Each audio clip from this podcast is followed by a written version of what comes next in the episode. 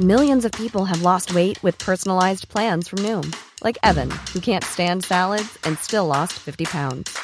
Salads, generally, for most people, are the easy button, right? For me, that wasn't an option. I never really was a salad guy. That's just not who I am. But Noom worked for me. Get your personalized plan today at Noom.com. Real Noom user compensated to provide their story. In four weeks, the typical Noom user can expect to lose one to two pounds per week. Individual results may vary. Millions of people have lost weight with personalized plans from Noom, like Evan, who can't stand salads and still lost 50 pounds. Salads, generally, for most people, are the easy button, right? For me, that wasn't an option. I never really was a salad guy. That's just not who I am. But Noom worked for me. Get your personalized plan today at Noom.com. Real Noom user compensated to provide their story. In four weeks, the typical Noom user can expect to lose one to two pounds per week. Individual results may vary. På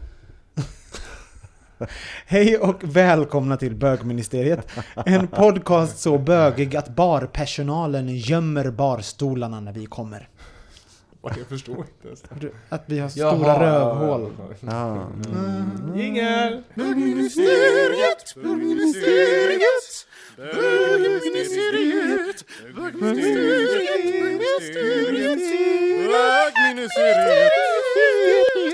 Hur mår ni? Kan vara som helst sjunga. Bra! Bra. Bra, fint. V- Vem är du? Vem Ja är men du? förlåt, jag, jag är Kristoffer. Jag har varit borta några gånger nu, men nu är jag tillbaks. Nu är du tillbaks. Full force. Ja. Och med oss har vi... Johan. Ja. Ja. Som kommer hem ifrån, kom hem från Libanon precis. Ja, precis. Från Beirut. Hur var böglivet? Oh, du ska i- så här börja säga Beirut nu. Så Ja, jag vet det. jag, var så här, jag var i New York. Vadå, säger man det? Beirut. Ja. Eller, Men ja, måste precis. man säga... Eller såhär, jag var i London. Ja men precis, måste man säga namnet så som man säger i... Hur var det? Jag var, jag var i Helsinki. Eller ja, det är klart man ska. Det var. Tala! precis. Jag var i... Dit åker vi ofta. Men hur, berätta lite grann, hur var um, gaylivet i Beirut? Eh, ja, men jag tror att jag var på Beir Beiruts.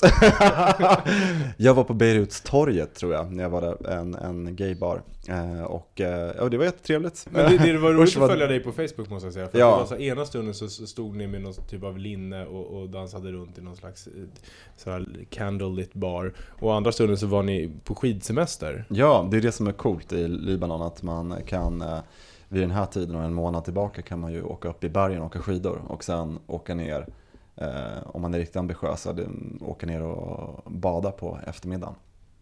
Det är liksom en tunn kustremsa och sen så åker man upp så är det berglandskap. Det är asgrymt. Jag älskar, Ja, men- det kändes som att du fick en, en liten sån där, om man åker upp och, och åker skidor. Och sen, Man åker upp och sen åker man ner och så tar man en drink på kvällen. Jag bara, vad har hänt? Har du varit på Rish en vecka och kommit tillbaka till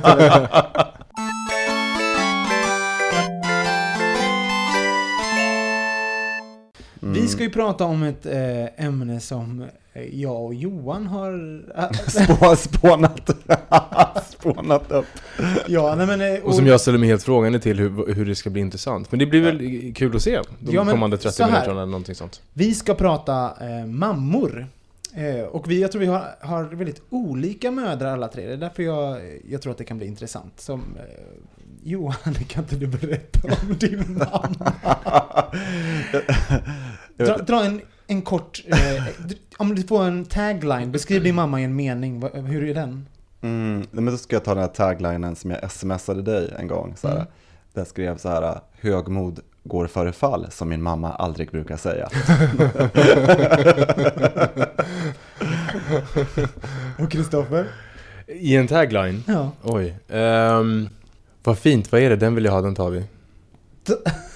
Alltså hela min barndom har väldigt mycket präglats av min mammas eh, ehm, impulsiva spontanköp av olika saker. Jag tror min tagline skulle vara Gud vad duktig du är. Det har du fått från mig. Hon är stolt mamma! Ja, över sig själv. Ja. Nej, men eh, mödrar alltså. eh, Det, det sägs ju eh, att bögar, homosexuella män har en speciell relation till, till sina mödrar. Vad, vad tror du om det, Kristoffer? Min mamma har alltid haft en väldigt speciell plats eftersom att hon har varit min enda närvarande riktiga förälder. Så, så, Så ni stod varandra väldigt nära när du... ja, men på, ja men på ett sätt gjorde vi det. Men, och sen, sen sen så var det att jag liksom distanserade mig utifrån hur mycket jag lät henne ta del av mitt liv. Sådär. Ehm, men ehm, ja, nej vi, vi var väldigt nära. Och är väldigt nära fortfarande. Mm. Absolut. Johan? Ja, gud. Du har ju träffat min mamma. Ja, det var en... det var en härlig, härlig tid. Nej, jag tänkte på... eh, Vi kan ju en liten, när du säger så måste vi förklara. Vi, vi firade påsk med din mamma. Ja, men precis, just det. Och min pappa. Ja, Mm. din pappa. Nej, jag tänkte på det du berättade där, Kristoffer, om ehm, eh, mamma och sedan en eh, pappa. Och eh, min, jag tänker både min mamma och pappa, det är lite grann som i den här boken om, nu pratar om en gammal bok om homosexualitet, där eh, man har en dominant pappa och sen har man en vek, men gud vad säger jag nu, dominant mamma och en vek pappa och Ja. sedan så Det här är alltså inte Velvet Rage. Nej, nej, Nej. Precis, nej, nej precis, nej, utan... Det är alltså till en annan bok. Ja, nej, nej, vad nej, men det, stå, det står inte riktigt i den boken, utan det är ofta sådana här homosexuella förklaringar liksom, kring att en, en modersgestalt är väldigt dominerande och pappan befinner sig i periferin och man har gjort mycket sådana undersökningar och det är lite och att det är en störning i Oidipuskomplexet och så blir man homosexuell och etc. Så det finns ju fortfarande väldigt många olika skolor kring det där och folk vill undersöka och förklara utifrån ett heteroperspektiv Mm. egentligen. Eh, och jag kan väl säga att där så är jag lite grann som den här 70-talsboken kan väl jag säga. Där eh, min mamma är en väldigt eh, dominant, pladdrig person och eh, min pappa tar väldigt lite plats. Liksom. Och så kan jag se det fortfarande idag faktiskt på, på det viset. Och, eh, eh, ja, och jag har aldrig haft någon nära relation till henne faktiskt, inte på det sättet. Det har jag inte. Mm. Modern och sonen med komplicerade förhållandet och sen en pappa som står i, periferin och är liksom dominerad av mamman och gör som hon säger och eh, alla fall publikt har inget eh, att, säga liksom och väldigt eh, lågt driven liksom att komma igång med saker eller göra saker ihop med mig. Vi gjorde nästan ingenting, jag och min pappa när jag var liten liksom tillsammans. Men är inte det det klassiska? Ja. Alltså, jag, jag tänker att den, den klassiska bilden är att ehm, en teori är ju att eh, fadern är frånvarande, därför får, eh, får man en bättre relation med modern. Mm. Och i mitt fall var det mycket så också, alkoholiserad par, bla bla bla bla. Men jag, jag tror att jag är en väldigt klassisk eh, bög i det avseendet att jag, jag var liksom ofrånkomlig, alltså vi var alltid med varandra jag och min mamma. Jag älskade, jag satt i hennes knä under bord, jag ville alltid hänga med min mor. Och sen, eh, ja men sen blir man tonåring och sen blir vi mer och mer lika varann. Och vi älskar varann och har jättemycket gemensamt, men och liksom Ja, all, allt är jättebra men, men eh, jag tror vi är för lika helt Men ibland får man ju nämligen, alltså jag har aldrig träffat din mamma, men, men, men under jul till exempel så följde jag ju dina eh, tweets som du manglade ur dig i minut och parti minut. Ja, jag hanterar det som eh, Melodifestivalen att Ja men hemma. verkligen, exakt. Och, och det var ju otroligt roligt att följa alla knäppa grejer som din mamma gjorde under jul.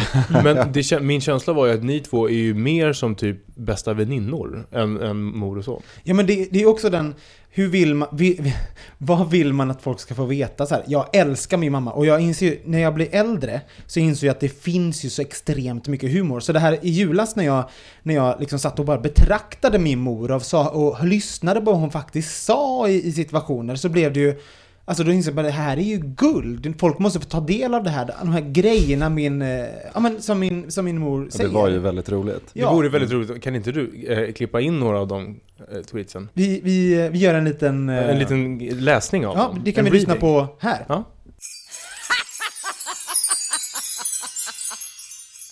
Mamma berättade precis att hon endast använder bilbälte på grund av estetiska skäl. Då hon en gång krockade utan bälte och fick en bula i pannan. Mamma för ett par timmar sedan. Jag vill inte ha någon äggtoddy. Mamma några öl senare. Var är äggtoddyn? Det var... Ja, så. Eh, Så där fick ni höra lite grann om Ja, vad, min mamma Ja. sa under julen. Men ehm, ja, så att hon, är, hon är tokig och jag tror att det har varit lite av min räddning de senaste åren. Att man, eh, man inser att hon är eh, totalt tokig på vissa sätt. Eh, en mor på andra sätt. Eh, men en människa framför allt. Att hon är inte bara min mamma. Liksom. Och det Ja. där, exakt, och det inser man ju ju äldre man blir. För det har ju varit situationer när jag känner att jag har varit den vuxna i relationen till min mamma. Mm. Men det är också som du säger, det, det, då inser man ju också att den här personen är ingen ehm, ultimat person eller som kan allt och alltid liksom fixar allt. Utan vi är människor liksom. Mm. Eh, och det kan vara en ganska jobbig insikt. Speciellt när man har en, en, den andra föräldern då, som min pappa i mitt fall då. Eh, påminner väl kanske då om din pappa, han var missbrukare och sådär. Eh, och, och var väldigt frånvarande och när han var närvarande så var det inte särskilt kul att ha att göra med. Nej. Vilket gjorde att min mamma fick ju ta rollen som någon typ av så här, nästan änglakaraktär i mitt liv. Liksom. Och var väl liksom väldigt mycket min räddning när jag var liksom liten. Sådär. Mm. Och, och det var ju... På vilket sätt? Vad var det hon, hon, Nej men hon, räddade dig från? hon, hon tog alltid mitt parti. Och det tyckte jag var väldigt viktigt. Men är inte det föräldrars uppgift? Det är väl det man... eh, Absolut, men jag tror att många föräldrar inte gör det. När jag var liten så antog jag att min mamma var intresserad av precis allting jag gjorde. Alltså det var ju naturligt, hon är ju min Mm. mamma, hon ska, hon ska vilja veta allting jag, jag gör och, och bekräfta mig liksom. Och jag inser nu när jag är vuxen så har jag lite de förväntningarna på henne fortfarande. Som ett naivet barn, att hon bara ska liksom, om jag, om jag, jag, men den här jävla, jag har gjort lite serier och skrivit grejer och eller haft föreställningar och whatever. Då tänker jag att det här är det största som händer i min mammas liv. Mm. Men det är det ju inte. Hon är helt ointresserad. Och jag blir lika besviken varenda gång som hon inte...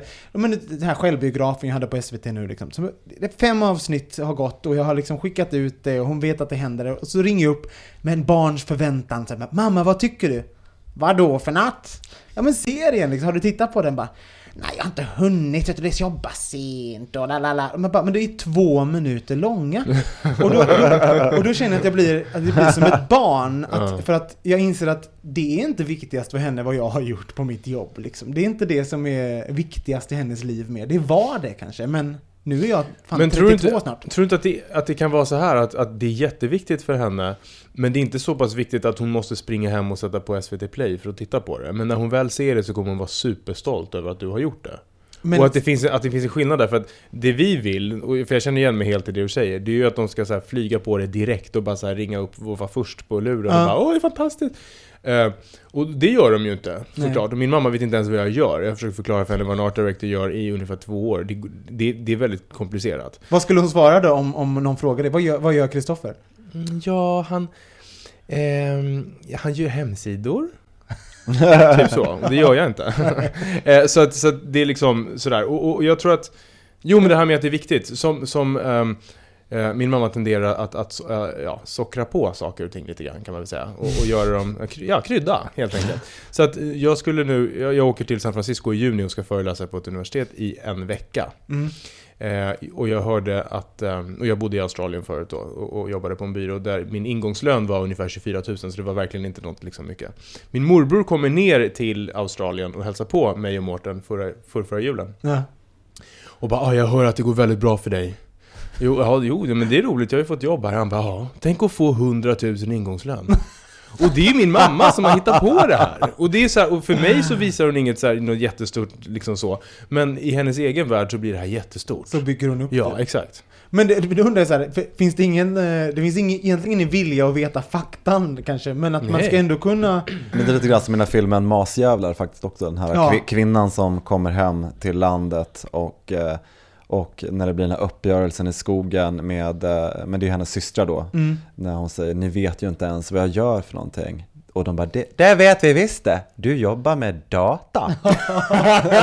Det är så jävla ja, bra. det är väldigt bra för det där är någon Wow, ganska Johan, klassiker. du måste prata så oftare. Men, men Johan, eh, vet, vet din mamma vad du jobbar med? Nej, jag tror inte hon riktigt vet exakt hur det liksom förhåller sig heller. Jag tror också att hon plockar upp såna här olika bisatser och ibland hon hör ett samtal med någon annan och sen kokar hon ihop det till en historia. För jag har ju hört andra som berättar för mig vad jag gör när de har träffat henne på stan. Nu kanske det här var länge sedan, men då är det ju en väldigt ensidig mm, historia liksom på något sätt. Så, att, Mm. Eh, så det är inte utifrån att hon har pratat med mig. Men ibland har jag undrat om det där också handlar om familjer, man ska behålla de här rollerna som man har, liksom mamma, barn och, och på det sättet. Du blir ju en hel person, en vuxen människa när du tar reda på saker också på något Mm. vis. Om du ställer frågor till en annan person så måste Menar du... du att din mamma eller att du ska göra det? Nej, nej, när jag pratar bara allmänt, om, om, om jag vet vad du eh, gör så, så, ser ju hela dig också på något sätt. Då är det ju inte bara det här barnet på något Nej. vis. Så det är ju på något sätt också att bevara de här positionerna tänker jag ibland också på något vis. Men kan det, förlåt, för jag, Nej, bara- varsågod. kan, kan det där ha att göra med, för jag tänker att det jag gör eh, och det du gör också, eh, och faktiskt du också då, alla, alla tre, det vi gör är ganska långt ifrån våra föräldrars vardag på något sätt. Mm. Alltså att jag skulle jobba med art direction och, och konceptualisering genom reklam. Det är jättelångt bort från min mamma som, som utbildade sig till, till tandsköterska och sen jobbar som, nu jobbar som sekreter- socialsekreterare.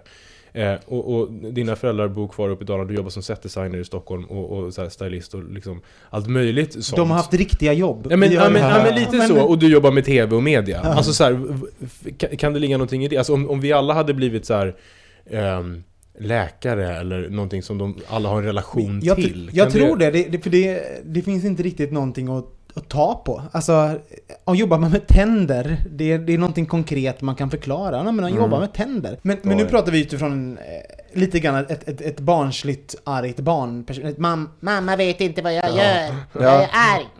liksom. Och jag, jag, vet, jag vet att jag har frågat väldigt många av mina vänner, vad, jobb, vad jobbar din mamma med?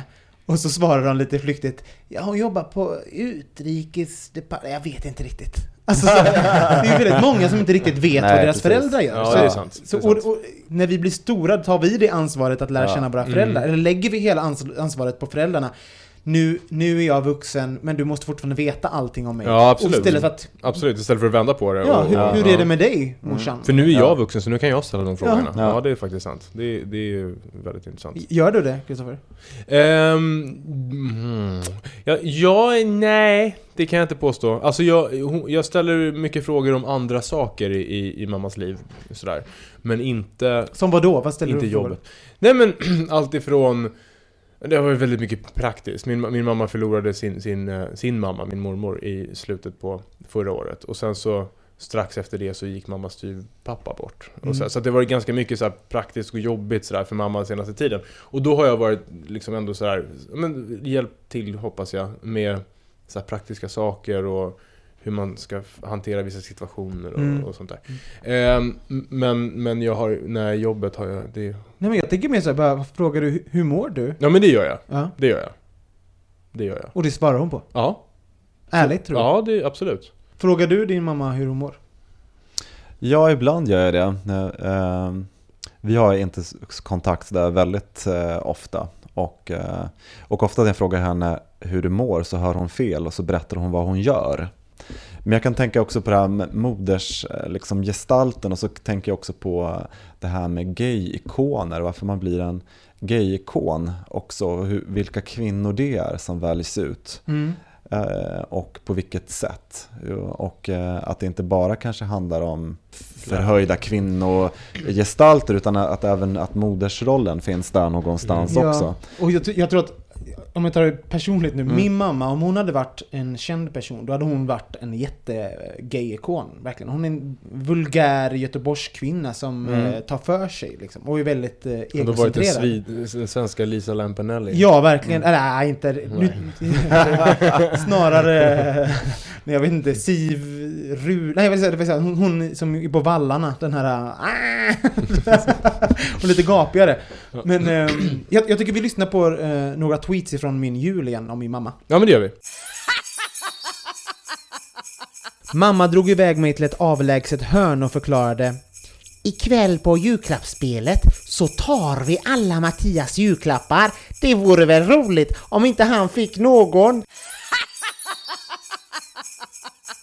Mamma ger Filip en komplimang för hans utseende.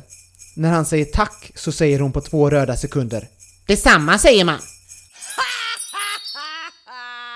Så, så kan det låta. Ja. Ja, men det där är också väldigt kul. Alltså din mamma är väldigt extrovert, och du, eller på det sättet du väljer ut dem, russinen i den där kakan. Mm. Eh, Men jag tänker också på det här med, med gay-ikoner, så jag har varit lite fascinerad över den här grejen eh, med att det också är en, en otillgänglig kvinna som är eh, glamorös och distanserad, som kommer in på scenen och som haft ett svårt liv men hon står upp och behöver tröst. Och jag tänker inte alltid att det behöver just vara en, en slags identifikation med eh, den homosexuella mannen som, eh, som eh, en outsider, utan att det kan också finnas en Att man längtar efter en mor? Ja, det kan finnas en modersgestalt i det där också, men jag vet inte Ja, men så kan, så kan det väl absolut vara. Jag, jag tänkte på, jag och Mårten, vi kollade på, vi tog hem uh, In Bed With Madonna här Ja. eh, för ett par veckor sedan på Apple TV. Eh, och ehm, och som på engelska heter Truth or Dare. Så det är väldigt roligt att vi i Sverige heter With Madonna. Skitsamma. Är det sant? Ja. Gud, det har jag Eh, där, det var faktiskt enda, första gången det slog mig, jag har sett det några gånger, men det var första gången som det slog mig att hon pratar om alla sina dansare och sina sminkar, sminköser och sitt, sitt crew som My Children. Mm. Eh, och, och att och hon Many of us have those stubborn pounds that seem impossible to lose, no matter how good we eat or how hard we work out. My solution is PlushCare. PlushCare is a leading telehealth provider with doctors who are there for you day and night to partner with you in your weight loss journey. They can prescribe FDA-approved weight loss medications like Wagovi and Zepbound for those who qualify. Plus, they accept most insurance plans. To get started, visit plushcare.com slash weight loss. That's plushcare.com slash weight loss. There's never been a faster or easier way to start your weight loss journey than with PlushCare. PlushCare accepts most insurance plans and gives you online access to board-certified physicians who can prescribe FDA-approved weight loss medications like Wigovi and Zepbound for those who qualify.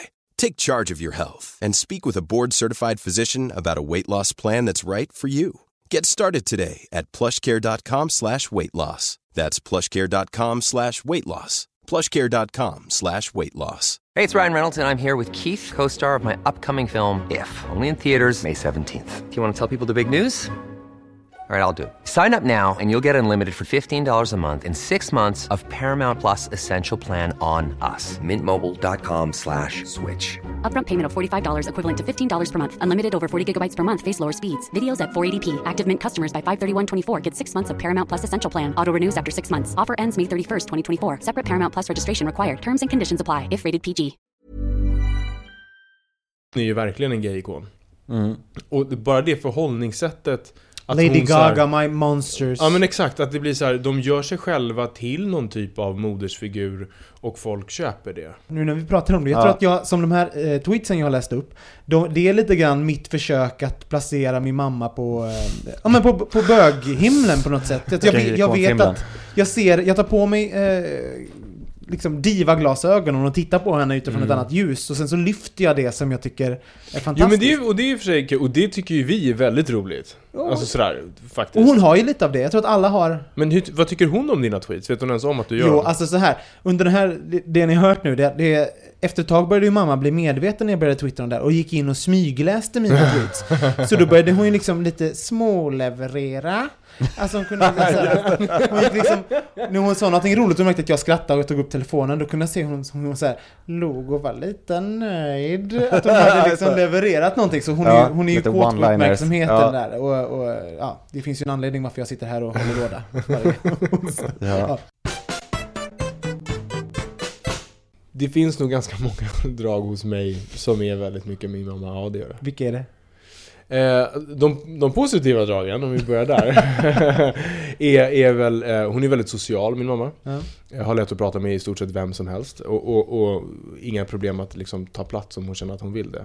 Och det tycker jag, det tycker jag är bra. Eh, de, de mindre bra grejerna är väl kanske har varit lite problematiskt för mig förut. Och det, det har med det där som jag sa i början med hennes spontanitet, framförallt vad det gäller köp, eh, att göra. Ja. Som jag har gjort att när jag var yngre så hade jag väldigt svårt att hantera min ekonomi för att jag gick väldigt mycket bara på impuls och inte hade något så här konsekvenstänk. Liksom. Och, och det är inte så bra när man inte tjänar särskilt mycket pengar. Det är ganska dåligt. Var helt luspank sen. Ja men det var så. Det var Mammas så. fel. Ja, precis. Men är inte det skönt nu att du kan skylla på din mamma? Annars hade det bara varit du som behövt ta Jo men det är jättejobbigt när jag inser att mitt konto är ganska tomt igen. Ja. Det är ju det som. Jag vet om det fast jag fortsätter ju liksom. Ja, jag var där. Köpte ju till exempel en resa till Thailand igår. Vi ska Ja. till Thailand! Eller Kopangan som man säger. Men ser du någonting i din mamma hos dig? Eller, eller så här, tror du att du blir en... ehm, hade du varit en bra mor? Idag tror tror jag att jag skulle, varit, eh, skulle kunna bli en, en hyfsad Du skulle vara en mamma. fantastisk mamma, du skulle baka väldigt mycket. Ja, jag är väldigt, alltså det som är från henne, jag är väldigt huslig, jag lagar ju väldigt mycket mat Det har ni ju och, gemensamt. Ja, faktiskt. Och eh, eh, rår om mitt hem på något sätt. Jag tror nog alla känner det som kommer hem till mig, att, man, eh, Mm. att det är nog ganska att det är väldigt hemmigt på det viset. Liksom.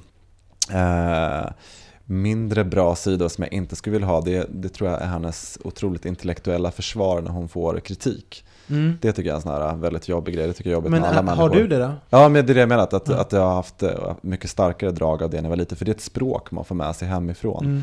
Det här är jätteintressant. Hur, hur, hur yttrar sig det? Om, om, om jag skulle kritisera dig nu och du inte skulle hålla med, hur skulle du liksom, hur, hur, hur låter det? Ja, nej men det behöver inte, utan det kan vara att man, man istället för att eh, ta till sig att man kanske blir ledsen av kritiken eller tänker efter eller funderar ett tag och ja, alla möjliga typer av kanske enklare eh, reaktioner så, så kan det bli en lång intellektualisering varför kanske det är fel det du säger eller, Okej. eller, eller i det värsta fallet så är det liksom att, att eh, göra ner dig och säga liksom att, eh, ja men förstår jag mig på, på ett intellektualiserande sätt, liksom förminska den andra Just det, men personen. då handlar det alltså om att du säger, det är rent verbalt tillbaka. Det är inte, Ja, det är men inte det- hos dig själv som det blir för intellektualiserat, utan det, det kommer ut också.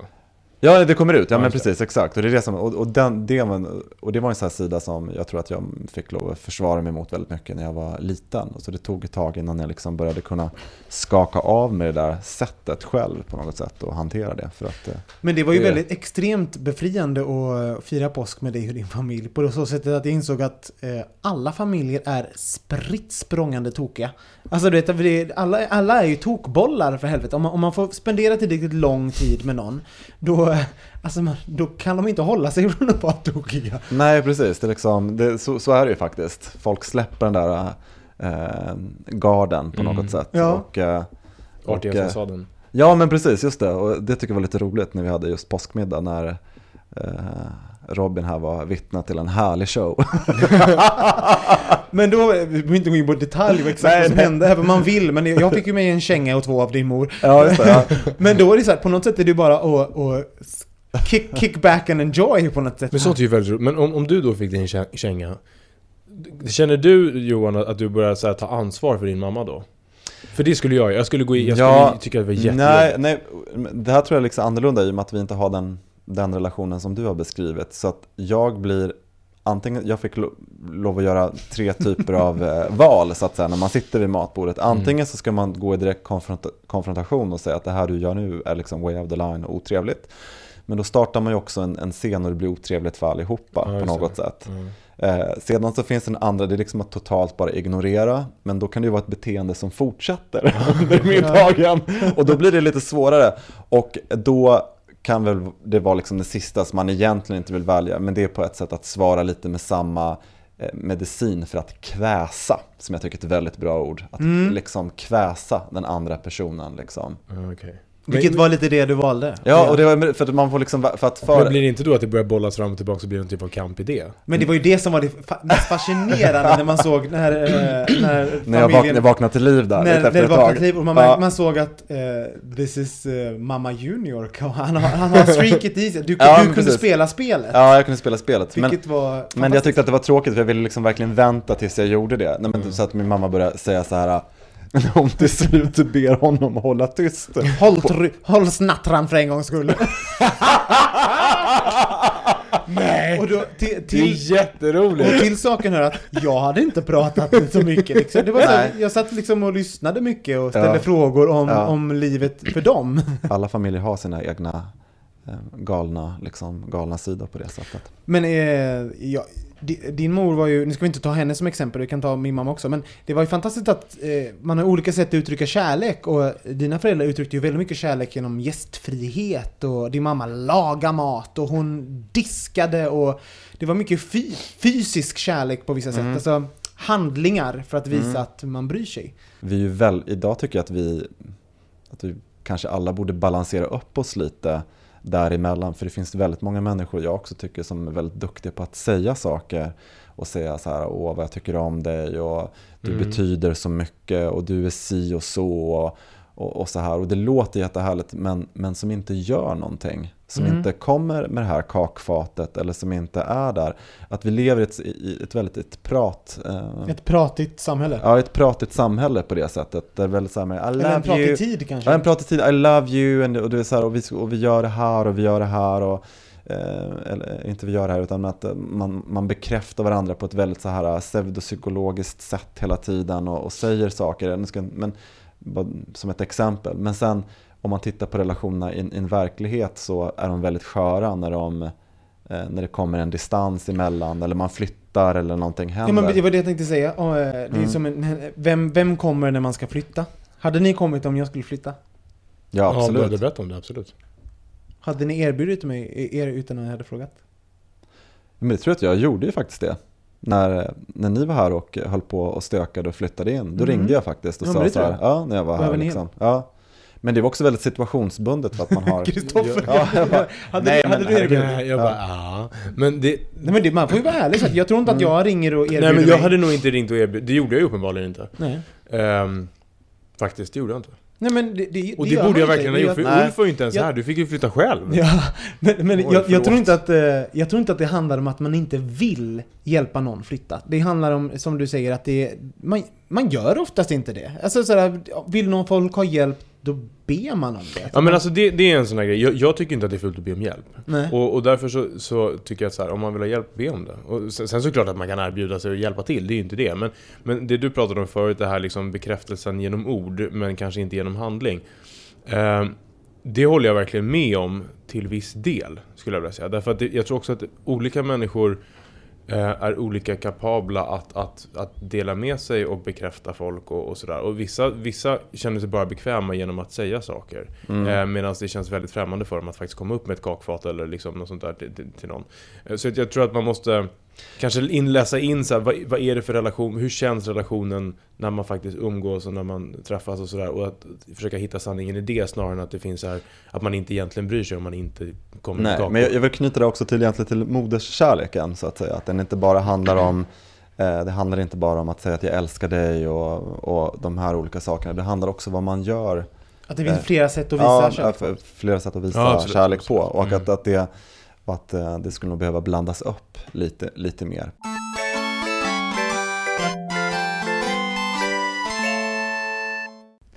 Uh, Micke har som vanligt eh, spelat in en liten krönika till oss. Han befinner sig i New York. Han är väldigt gullig när han gör det, eller hur? Han det är är- väldigt kul, för det blir, han, han är en ständig del av bögministeriet. Ja, Mm. han är supergullig. Och så här låter han. Ja.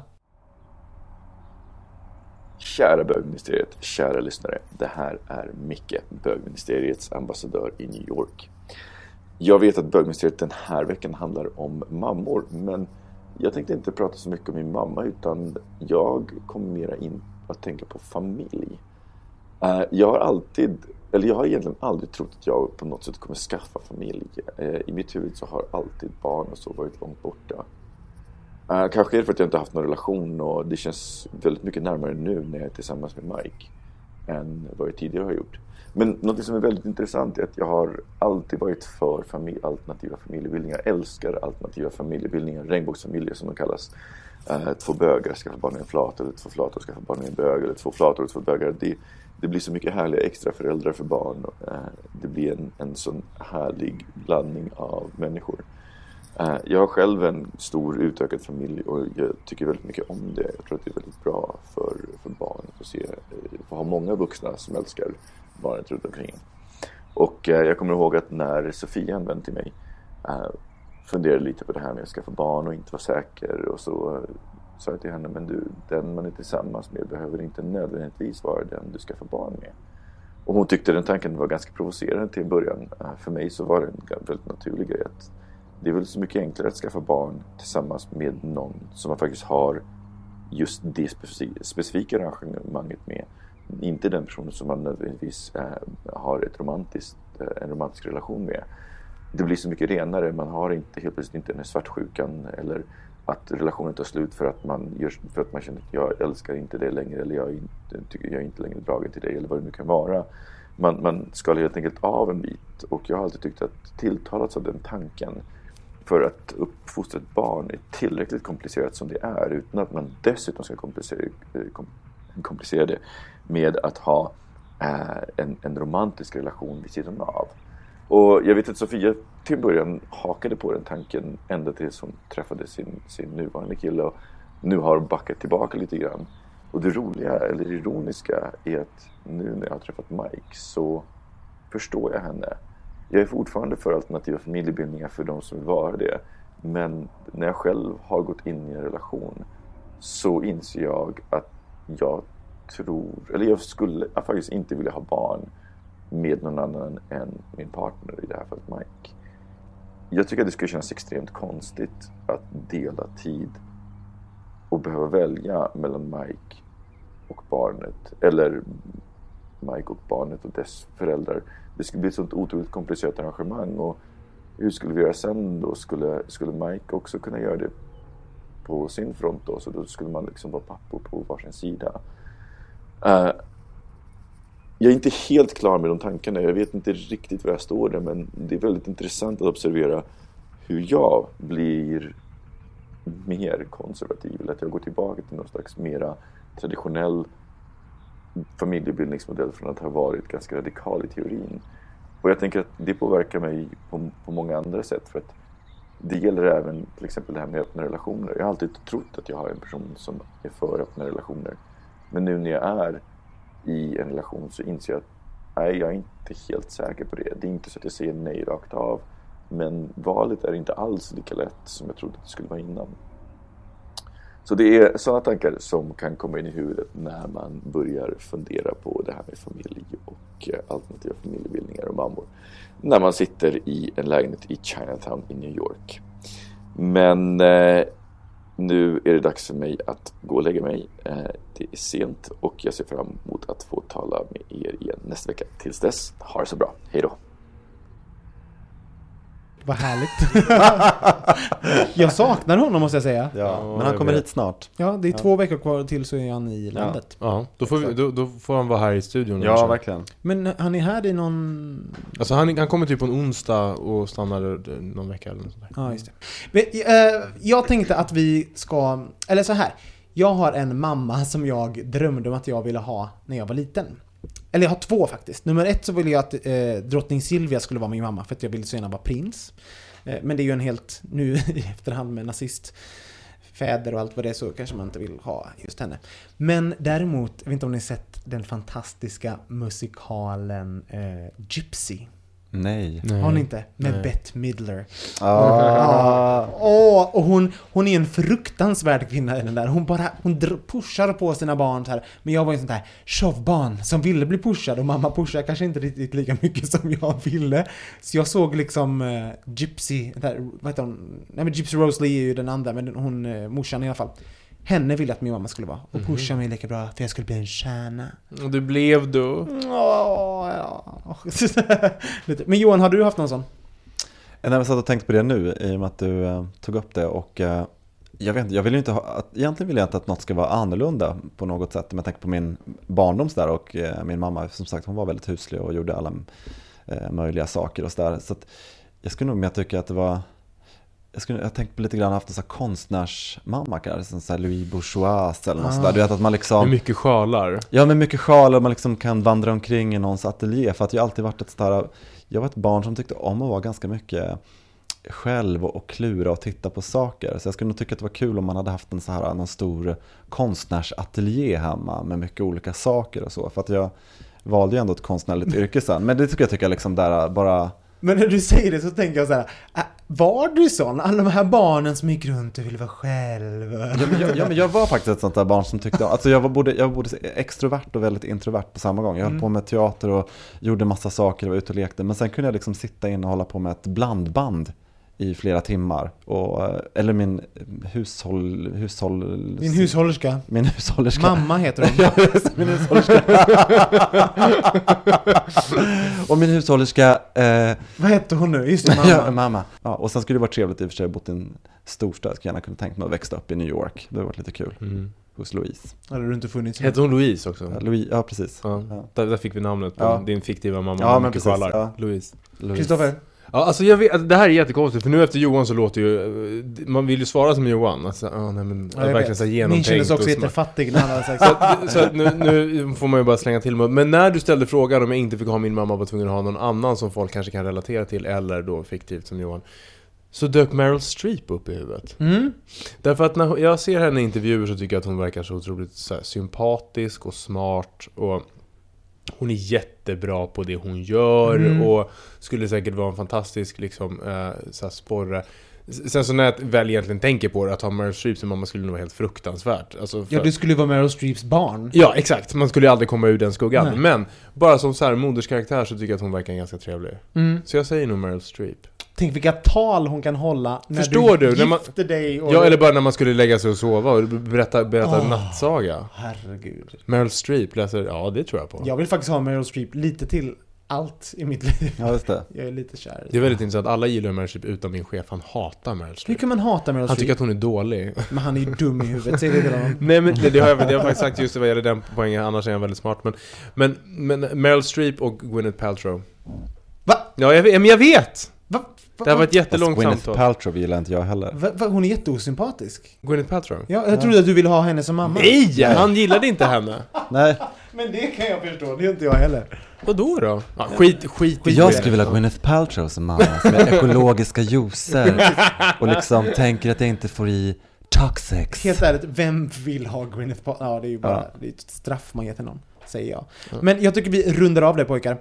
Ehm, Glöm inte att kommentera och, och, och mejla oss och allt sånt där på antingen bögministeriet.se eller på iTunes. Där ni jättegärna får ratea oss. För Ja, precis. Rata, tryck in stjärnor, skriv en recension. att det vore fantastiskt. Åh, vad glada vi blir. Ja, då blir vi väldigt glada. Vi är tillbaka nästa vecka med ett fantastiskt ämne. Ha en trevlig helg, puss och kram. Puss puss, hej hej! hej. Bögministeriet, bögministeriet, bögministeriet, bögministeriet.